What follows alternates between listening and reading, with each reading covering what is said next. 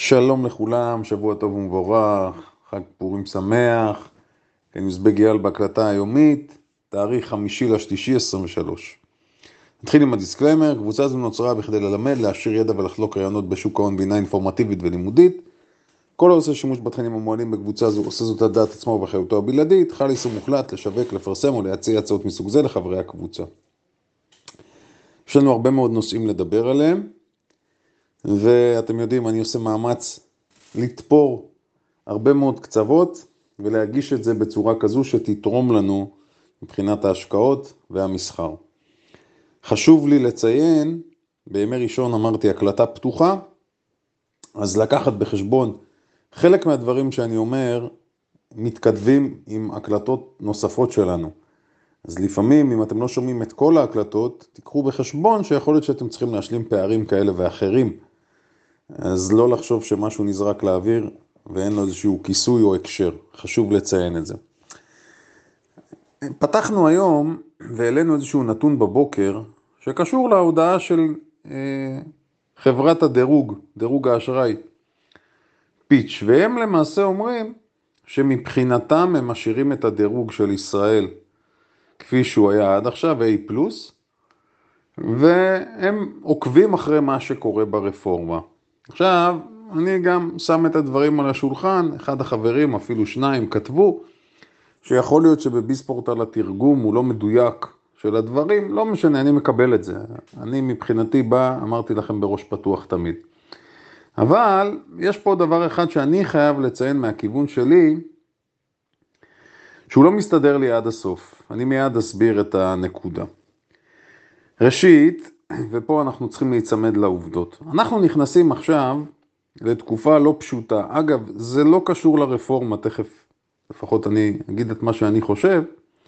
זה לא קשור לרפורמה כרגע. אבל בואו ניצמד לעובדות. ישראל נכנסת כרגע לשנת 2023, כשאנחנו מסתכלים על יחס חוב תוצר, אנחנו ירדנו מיחס חוב תוצר שהיה כמעט 70 אחוז, 68 אחוז בסוף שנת 21, ל-60-61 אחוזים בסוף שנת 22. כלומר, הצלחנו לצמצם את החובות של ישראל במילים אחרות. יחס חוב תוצר מדבר על העמידות של המשק. המצב שלנו ביחס למדינות רבות בעולם, אנחנו מדברים על מדינות מערביות, המצב שלנו מצוין. זאת אומרת, יש שיפור. למרות הקורונה, הצליחו פה להדק חגורות. אבל, ופה אני אומר, יש לי כמה סייגים בסיפור הזה. וכדאי שתקשיבו קשב רב למה שאני אומר עכשיו, כי זה כנראה ילווה אותנו. ראשית, אנחנו רואים שחגיגת הנדל"ן שהייתה בארץ, אני לא רוצה להגיד הגיעה לסיומה, אבל ללא ספק יש פה ברקס רציני מאוד.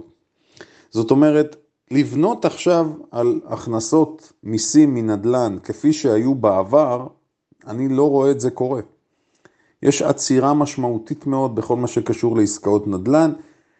יש אפילו סיכון מסוים בחלק מהחברות שרכשו נדל"ן ונמצאות במינופים גבוהים, ודיברנו על הביצועים גם של חברות קבלניות, גם של חברות שמחזיקות בנכסי נדל"ן, מדיסרון, עזריאלי וכולי. מדובר הרבה על חנן מור כרגע, שנמצאת ממש בסיכון, ותשואת האג"ח שלה קפצה לדו ספרתי. זאת אומרת, השוק השתנה, שלא לדבר על משקיעים שיצאו מהשוק. אם נלך גם לכיוון של משקיעים שמנסים למכור את הדירות שלהם, אז אני אומר לכם חד משמעית, יש ירידות מחירים. אז אי אפשר לבנות על אותו קצב מה שנקרא, של הכנסה ממיסוי נדל"ן. אז זה מקום אחד שיהיה בו ברקס. מקום שני שיהיה בו ברקס, כנראה, אני אומר, זה הנושא של הרכבים. שוק הרכב, היה בו בליץ בסוף שנת 22, כדי ליהנות מכל מיני הטבות, פטורים על רכבים חשמליים וכולי. כנראה, אני אומר כנראה, שנראה ירידה, וגם פה הקצב יועד, זאת אומרת, זה עוד, או אם אתם רוצים, עוד פרה חולבת שבמדינת ישראל הסיפור של הרכבים והמיסוי על הרכב ועל דלק הוא מאוד גבוה, אז גם פה כנראה שיהיה ברקס. עוד דבר מאוד משמעותי, וזה בעיניי משמעותי יותר ממה שדיברנו עד עכשיו, זה בכלל הנושא של אה, אני לא רוצה להגיד בועת ההייטק שהייתה פה, אבל הייתי אומר בועת המחירים או ההתנהגות הבועתית בחברות הצמיחה בוודאי. תוסיפו לזה מה שקרה בספאקים, שאנחנו רואים שם בכלל התרסקות טוטאלית, חברות רבות איבדו 80-90 אחוז, אפילו יותר. את ה... ואני מזכיר לכם, אנחנו קראנו לזה התנהגות שוק בועתית, אוקיי? תבדילו בין בועה להתנהגות בועתית. התנהגות בועתית זה אומר שיש התנפלות. אחד קונה מן השני סחורה, זה מה שהיה בתקופת הקורונה, התנהגות בועתית. אני מזכיר עוד פעם, תבדילו, תבחינו, זו לא בועה. בבועה אתה קונה משהו שאין לו ערך. מכוח האנרציה, מכוח מה שנקרא הפירמידה. אחד קונה מהשני.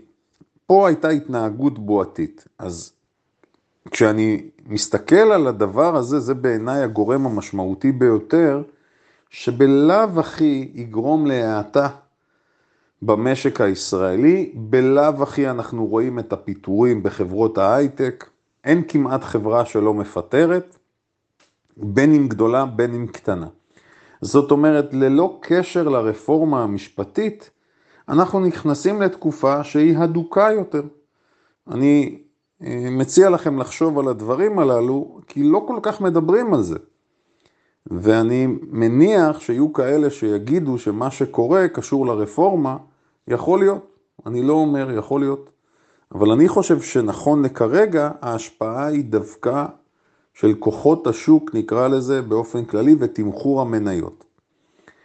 וזו נקודה מהותית. איפה בכל זאת אני חושב שישנה השפעה מיידית בנושא של שערי החליפין. זאת אומרת, שער השקל דולר, נכון שבכל העולם אנחנו רואים את ההתחזקות של הדולר, קשורה בעיקר למתווה העלאות הריבית הנוכחי והעתידי של הפד.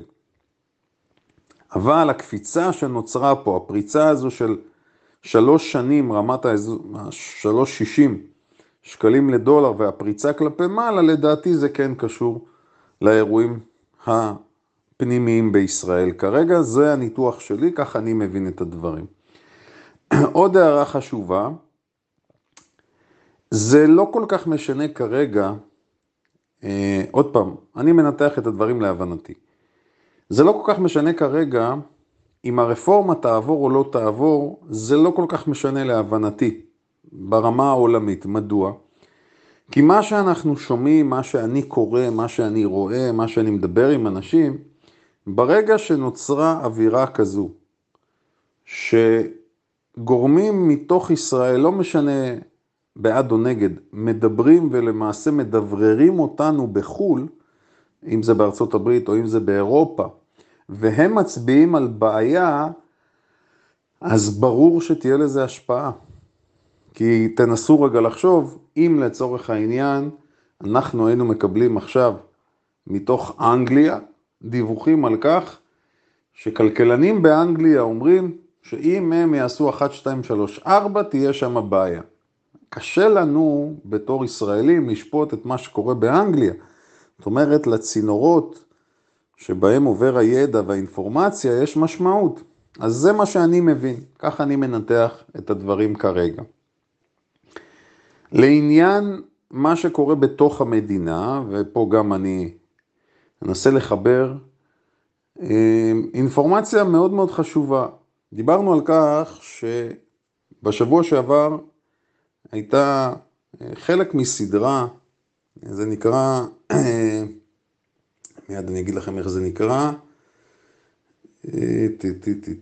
כן, מכונת המיתוסים, היה פרק בערוץ אחד בשבוע שעבר, מכונת המיתוסים, ומה שהם עשו, הם לקחו את הנושא של אה, התארגנות אולי העבודה, או המהפך, או השינוי שחל בישראל מקום המדינה ועד עכשיו, והם דיברו על בערך 40 השנים הראשונות, או עד המהפך של 77 שבגין עלה לשלטון, הם דיברו על זה שמפא"י וההסתדרות שלטו פה, הפנקס האדום וכולי. ומה שהם אמרו, שמאז המהפך הזה קרו שני דברים מעניינים. אחד, ראינו את האינפלציה שהייתה בשנות ה-80, ואני לא מעניין אותי כרגע מה האג'נדה של חלק מהאנשים בתוכנית שהתראינו, זה פחות מעניין אותי. בשנות ה-80 הייתה אינפלציה אדירה בישראל. אגב, זה לא רק בישראל, אני מזכיר לכם שגם בארצות הברית הייתה אינפלציה מטורפת. פול וולקר בזמנו העלה את הריבית דו-ספרתי קיצוני, דיברנו על 15-16 אחוז. אה, ההתייחסות שם הייתה לכך שממשלת הליכוד שעלתה לא ידעה באמת איך להתנהל, וזה היה בין הגורמים לאינפלציה. אגב, יכול להיות נכון, יכול להיות לא נכון, זה לא כל כך משנה בעיניי, כי האינפלציה הייתה במדינות נוספות, בטח בארצות הברית.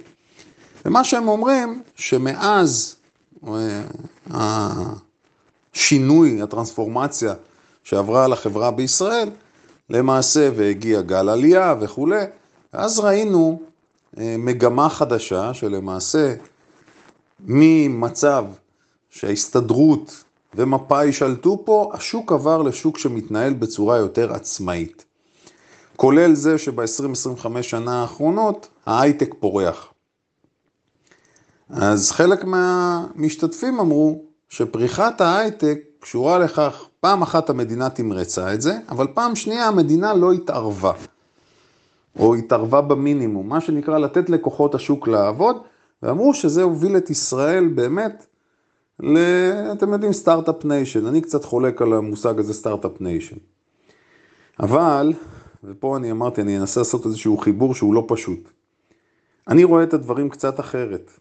כי באותה תוכנית גם ראיינו שליח בוולט, בחור בן 30, נראה חכם, אינטליגנט, סטודנט, והוא מספר מהזווית שלו, הוא גר בתל אביב.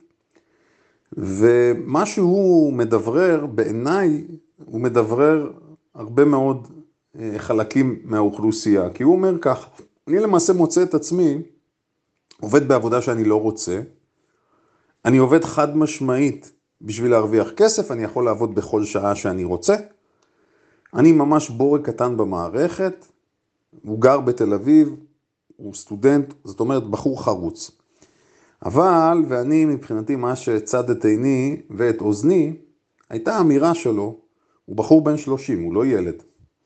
אז הוא אומר, כשהוא מגיע עם המשלוחי האוכל שלו לכל אותן חברות הייטק, יש לו איזושהי צביטה בלב. מפריע לו. מפריע לו לא בקטע, עוד פעם, אני, פה אני, אינטרפטציה שלי. לא בקטע שהוא מקנא למה הם והוא לא, אלא גם הוא רוצה ליהנות מזה. ופה, אה, וכאן אני כן מביא את האג'נדה שלי, אני חושב שהבעיה הקשה היום שיש במדינה, אנחנו רואים את הסימפטומים שלה מתפרצים במחאה הזאתי כנגד הרפורמה, אני לא חושב, אמרתי, שזה קשור רק לרפורמה. יש פה פערים מאוד מאוד גדולים. אותם פערים גדולים, כפי שאותו בחור גם מבטא את זה, באים לידי ביטוי בתקווה שלו, שיום אחד גם הוא רוצה להגיע לבית משלו, גם הוא רוצה להגיע לעבודה משלו, עבודה שהיא תהיה עבודה שהוא אוהב, וכיום הוא רואה את עצמו למעשה כאיזשהו עבד, עבד במערכת. עכשיו, עבד זה גם, זה, זה, אני בוחר להשתמש בזה, ופה אני רוצה לחבר את זה לעוד נושא. לפני שלושה שבועות, נדמה לי, הייתי בסופש בתל אביב, סיפרתי לכם. בבית המלון, העובדים, אה, רובם היו עובדים זרים. עכשיו, אם התופעה הזו הייתה פעם ייחודית נגיד לאילת, שבבתי המלון באילת היו הרבה מאוד עובדים זרים, אז פתאום התופעה הזו מגיעה גם לתל אביב. זאת אומרת, עובדי ניקיון, חדר אוכל, מטבח, אפילו קבלה, אה, הם עובדים זרים. עכשיו, עובד זר צריך להבין משהו, מדוע מעדיפים עובד זר, אז יכולות להיות שתי סיבות. או לשלם שכר זול יותר, או שלא מצליחים למצוא ישראלים שיעבדו בזה. עכשיו, בכל חברה יש לנו מה שנקרא חוטבי עצים ושואבי מים. לא לכעוס על מה שאני אומר, זו המציאות. ובישראל, מה שאני רואה לפחות ומה שאני מתרשם, חלק מסוים באוכלוסייה לא באמת מעניין אותו, או לא כל כך מעניין אותו, שהוא מעדיף לדחוק את זה הצידה, את העובדה שהפערים הולכים ומתרחבים. וכל עוד שיש מי שיעשה את אותן עבודות שנחשבות עבודות של צווארון כחול, זה לא באמת מפריע. וזו בעיניי סכנה מאוד משמעותית. עכשיו, מה שאנחנו רואים כאן, כשאני מסתכל על המחאה, ונניח, רואים את הטייסים היום שאומרים שהם אה, לא רוצים ללכת למילואים, ועוד כל מיני קבוצות, לוחמים ביחידות אה, מיוחדות אולי, ורופאים, ועוד כל מיני. אלה קבוצות כוח. אלה קבוצות כוח שגם אם נרצה וגם אם לא, הן מוגדרות כאליטה. עכשיו, התופעה הזאת של סרבנות, פה צריך להבין משהו. איך אתה מחליט האם אתה תעשה משהו או לא תעשה משהו? זאת אומרת, נניח שאני רוצה עכשיו להחליט שאני לא משלם מיסים. למה אני לא משלם מיסים? אני לא רוצה לשלם מיסים, כי עד שלא יורידו את המס על אה, משקאות ממותקים, אני לא מוכן לשלם מיסים. אז אי אפשר, הרי זה לא עובד כך. המדינה צריכה להיות פה באמת סוג של לפני האזרח. ופה יש בעיה. עכשיו, אני חושב שכל הדברים הללו מתנגזים וקשורים. תקשיבו למה שאומרים אה, מתנגדי הרפורמה. ואגב, אני חייב לומר משהו חשוב. תצאו מהקטע הפוליטי, תשימו אותו בצד. תתעלו, תתעלו מעל הקטע הפוליטי. אני מקשיב למה שכולם אומרים. אני אישית בעד הרפורמה, אומר. האם בדיוק ככה? לא, אני חושב שצריכה להיות הידברות. אבל, ופה אני אומר אבל גדול, כל מי שדיברתי איתו, כולם, כל מי שאני דיברתי, כן? כולם תומכים ברפורמה, רק כל אחד יש לו רעיונות משלו. ולכן, כשאני מסתכל על מה שקורה, ואמרתי גם, לא פעם, אני לא נבהל ממה שקורה, אני לא נבהל מההפגנות, אני לא נבהל אם מישהו קורא לסרבנות, זה לא מבהיל אותי. בעיניי כל התהליכים האלה הם זרמים תת-קרקעיים שנמצאים פה, ואני מעדיף שהכל יפרוץ החוצה, מאשר שכל אחד ישמור את הדברים בבטן, כי מבחינתנו לפחות אור השמש מחטא. אבל, ופה אני גם, אני עובר אבל, בסופו של דבר הסיפור הזה צריך להיפטר. כי כמה זמן ניתן להתנהל בצורה כזו מבלי שתהיה השפעה, זו שאלה טובה. אוקיי? Okay? אז אני חושב שכדאי לשבת ולגמור את הסיפור. ועוד נקודה חשובה, שגם עלתה באותה סדרה ולדעתי קשורה גם למה שקורה היום, זה חלוקת הנטל. צריך להבין משהו, אה, מדברים הרבה על זה שיש חלק גדול או חלקים שלא נושאים בנטל. מדברים על חרדים, מדברים על ערבים, מדברים על משתמטים, ואני אומר את הדבר הבא, וגם, אגב, באותה תוכנית, באותו פרק, מסבירים מאיפה נולד הסיפור הזה, של חרדים שלא עובדים, זאת אומרת, מי שמכיר את ההיסטוריה, דיברו על זה שישנה קבוצה שקראו להם אה, תורתם אומנותם. זאת אומרת, בבחינת מספר עילויים שיכולים לשבת וללמוד, שלא יתעסקו בשום דבר אחר. לימים היה איזשהו גלגול וזה הגיע למצב שאותם אברכים שלומדים לא יכולים לעבוד, כי הם צריכים לבחור בין עבודה לבין לימודים, מה שיצר מצב אבסורדי. בשורה התחתונה, גם הדברים האלה צריכים למצוא להם פתרון. זאת אומרת, יש כל מיני רעיונות, זה, לא, זה יכול להיות שירות לאומי, זה יכול להיות אה, תמרוצים כאלה ואחרים. אגב, זה נכון לכלל האוכלוסייה, לאו דווקא רק לחרדים. וחלק ממה שאני שומע ורואה באמת, תשימו לב, כן? בקשר לרפורמה קשור לזה. זאת אומרת, להגיד שהרפורמה היא רק אה, מוציאה כרגע רק את הנושא המשפטי, אני חושב שזה פספוס. ולכן, אם אני מסכם את הסיפור הזה, אני חושב שההשפעה על המטבע, התחלתי עם זה שאמרתי שפה חסרה לי התייחסות של אותה סוכנות דירוג, אני חושב שהמטבע כרגע, מי שיסתכל יראה שאנחנו תקועים באזור של בערך 365, 368. בדרך כלל, אם אנחנו מסתכלים ברמה של ניתוח טכני והתנהגות של נכס, כשיש לנו התכנסות ברמה יחסית כזו, אה, בטווח כזה קצר, כאשר לפני כן הייתה תנועה משמעותית, בדרך כלל מגיעה תנועה משמעותית נוספת. אז בבקשה תעקבו אחרי הסיפור הזה. עוד נקודה מאוד מעניינת, אני רוצה לדבר על מה שקורה בשוק האמריקאי ולחבר כרגע את המאסטר פלן שלנו, את תוכנית האב שלנו. ואני רוצה לדבר למשקיעים ארוכי הטווח. התוכנית שלנו עד היום, תודה לאל, עבדה בצורה מצוינת. מדוע? כי אמרנו שחשיפה לשוק המניות, אנחנו מדברים על 40-50 אחוז. שוב, השקעת טווח ארוך זה שנה וצפונה. אז 40-50 אחוז חשיפה, ואמרנו שאת ההגנות סגרנו באזור הנמוך.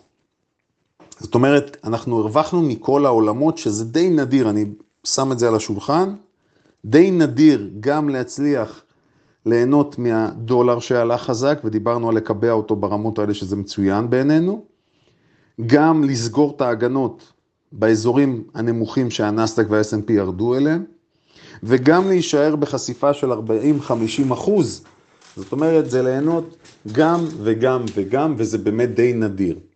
אנחנו ממשיכים לדבוק באותה תוכנית, היות, וכפי שאנחנו מבינים, כרגע יש מלחמה קשה באזור הנוכחי, וביום שישי קיבלנו למעשה איזושהי אינדיקציה לכך שלא כל כך מהר אה, תגענה ירידות. עכשיו, אם אני מסתכל על מה שקרה, בשישי, אז קודם כל לאורך כל היום הייתה עלייה, מה שהגדרנו בשפה המקצועית סטפ אפ, קונים וקונים וקונים, זאת אומרת האלגוריתם שעובד ויש לו אה, הוראה או פקודה לקנות, הוא רוכש כל הזמן תוך כדי עלייה. זאת אומרת, אם הוא רכש ב-100, אז אם זה עולה ל-101, אז הוא גם ירכוש, ב-102 הוא גם ירכוש. אז זה נקרא step up. וקיבלנו עלייה משמעותית בגורילות הגדולות, תשימו לב. אה, פייסבוק, מטא, עלתה 6 אחוזים, אפל 3.5, אמזון 3, טסלה 3.6 אחוז, גוגל כמעט 2 אחוז, מייקרוסופט 1.7. זאת אומרת, הכסף זרם לגורילות ונפח המסחר, אני לא יודע אם שמתם לב, נפח המסחר היה גבוה. אם אני מסתכל על ה-QQQ, בערך 1.2 פי 1.2 מהממוצע. אה, וחזרנו לרמת ה-300, כלומר סך הכל רחוקים 3 אחוז, 3.5 אחוז מהגבוה שנקבע לפני כמה שבועות. אז עדיין לא הרימו ידיים. כל זה כמובן, אני לוקח בחשבון, זה מתרחש בזמן שאנחנו שומעים עוד ועוד קולות מסביב של בתי השקעות, של בנקים וכולי. משקיעים נחשבים בעולם, הם מדברים על כך שתהיה ירידה נוספת, שהשוק יכול לרדת 20-26 אחוזים.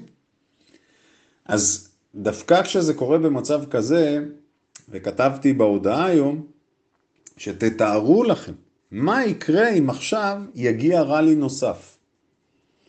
זאת אומרת, אם תהיה עלייה נוספת, אחד השורטיסטים יישבו, ומצד שני, מי שלא נמצא, ירגיש פספוס וירצה להצטרף. אני לא אומר שזה מה שיקרה, אבל זה תרחיש שחייבים לקחת אותו בחשבון, במיוחד כאשר אנחנו יודעים שהשוק לא פועל ברמה כזו פשוטה של אה, בינארית של 0-1. עכשיו עולים, עכשיו יורדים, זה יותר מורכב. אז תיקחו את זה בחשבון בבקשה. עוד נקודה מאוד מעניינת, הרבה דיבור ובאז על הנושא של בינה מלאכותית AI. וקיבלנו את הפרסום של הדוח של חברת AI, ופה יש סיפור מאוד מעניין. אחד, שווי השוק שלה באופן כללי הוא מאוד נמוך, אנחנו מדברים על 2-3 מיליארד. השוק, מה זה מריע לה? 34 אחוזי עלייה. אנחנו מזכירים לכם, דיברנו עליה עוד לפני הפריצה שלה. היא עלתה לאזור ה-30, היא נסוגה ל-20, ולמעשה מי שהיה ערני וידע לנצל את זה, יכל לקבל פה תנועה של, אמרנו, 30 ומשהו אחוזים ביום. והדבר המעניין, אני אתן לכם קצת נתונים על החברה, על מה היא עושה, על מספר העובדים, וגם אני תוהה איתכם בקול רם יחד, האם יכול להיות שהיא באמת כזו מעצמה גדולה? אז אני אלך לסוף ואני אגיד, היא לא מעצמה גדולה. אז כנראה, וזה אני אומר בזהירות, יש פה יחסי ציבור טובים מאוד. מישהו פה עושה יחסי ציבור טובים מאוד, ותכף תראו איך אני מגיע למסקנה הזו. אחד, החברה הזו נמצאת אה, בארצות הברית, יש לה סך הכל 700 עובדים, שזה שום דבר. עוד נקודה מעניינת, היא הוקמה ב-2009 וב-2019 היא שינתה את השם שלה. זאת אומרת, היא הוסיפה את הנושא של ה-AI לשם שלה. אז מישהו פה יודע טוב מאוד מה הוא עושה. אוקיי? זאת אומרת, החבר'ה האלה כנראה צפו מראש את מה שקורה. אם נלך ונסתכל על מה הם עושים בפרופיל שלהם, אז פה יש דבר מדהים, כי למעשה, מבחינת פריסה, אז הם פועלים בצפון אמריקה, באירופה, באפריקה, אסיה, ולמעשה בכל העולם, ומה שהם אומרים על עצמם, שהם מספקים פלטפורמה ליישומי בינה מלאכותית, במגוון תחומים. מה זה במגוון תחומים? אם זה בניהול לקוחות במערכות CRM, אם אנחנו מדברים על אופטימיזציה של מלאים, חומרי גלם, תהליכי ייצור, אם זה ניטור ושיבוש בתהליכים כאלה ואחרים, אם זה שביעות רצון של לקוחות אה, ונושא של אה, retention, שימור לקוחות. אם זה תובנות לגבי סיכון ובנושא של תחזוקה מונעת, ביטחון, פתרונות ארגוניים, שוק האנרגיה, כימיקלים, הגנה, מודיעין, תעופה, חלל, תקשורת, זאת אומרת אין דבר שהם לא מתעסקים בו. הם כותבים שיש להם שיתופי פעולה עם גוגל, עם אינטל, עם אמזון, עם מייקרוסופט. ושימו לב, אני חוזר עוד פעם, לחברה הזו קראו C3 IoT, זה Internet of Things, והיא שינתה את השם ל-C3 AI. אז מישהו פה מאוד חכם. החבר'ה האלה מאוד חכמים, הם הצליחו לחזות את הנולד בהקשר של חשיבות הבינה מלאכותית. היות ושווי השוק שלה הוא מאוד נמוך כרגע, ופה בואו רגע ונדבר על זה אני אתן לכם במדויק, שווי השוק שלה הוא 3.2 מיליארד אחרי עלייה של 30 ומשהו אחוזים. אז כעיקרון, אם הייתי מקריא לכם את כל מה שהיא עושה, אז אני לא חושב שמישהו פה היה אומר שייתכן ששווי השוק שלה יהיה כל כך קטן או נמוך. אז האם היא יכולה להיות היוצאת מן הכלל? התשובה כן. החברה הזו כרגע יכולה להיות מה שנקרא סוס שחור. היא יכולה לרוץ, היא יכולה גם להגיע לגבהים גבוהים מאוד, כמובן שהיא ספקולטיבית C. אבל אם אני מסתכל על הרכיבים ועל המתכון הזה, שיש בה כל מה שצריך כרגע בשביל להפציץ, אז זה קיים. תיקחו את זה בחשבון ספקולטיבית C. מבחינת הביצועים שלה, היא עדיין מפסידה כסף. אז הדוח עצמו, אתה לא באמת יכול ללמוד ממנו משהו. זה שהיא הקצה קצת את התחזית, זה לא באמת משנה. אז כדאי שתשימו אותה בפוקוס, כי זה ימשיך, הסיפור הזה ימשיך, כמובן אפשר להסתכל גם על חברות נוספות מהתחום.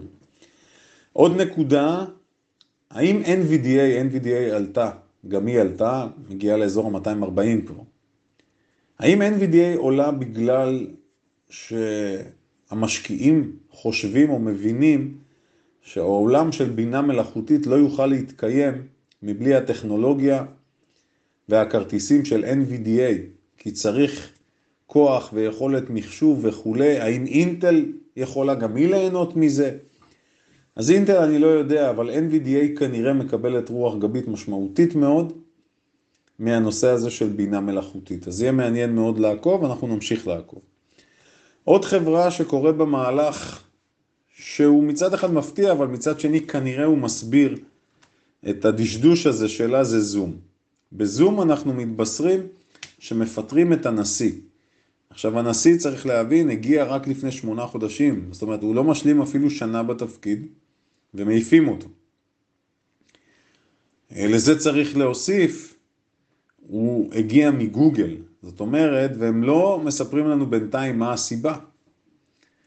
אז כאן יש נושא מאוד משמעותי, כל מי שתהה מדוע זום לא ממריאה בצורה חזקה לאחר הדוח האחרון שלה, למרות שהיא מכה את ה... או הכתה את התחזית, יכול להיות שזה קשור. אז אה, יש לצפות לתנועות מאוד אגרסיביות, ויהיה מעניין לראות כי אם הם לא יוציאו איזושהי הודעת הרגעה, זה עלול לייצר לחץ גדול מאוד. אז לקחת בחשבון, אמרנו, אנחנו בעצמנו פה, למרות שזו מניה שאנחנו אה, גם משתמשים במוצר שלה וגם הסתובבנו עליה לא פעם, אמרנו שמבחינתנו כרגע אין יותר מדי כוח והשוק די מתמחר אותה סביב המחירים הללו, כולל מחיר היעד. אז לקחת את זה בחשבון. זהו, אני רואה שהספקנו לעבור על מה שרצינו, שיהיה לכולנו פורים שמח מצחיק, ואנחנו כמובן נשתמע גם מחר, להתראות.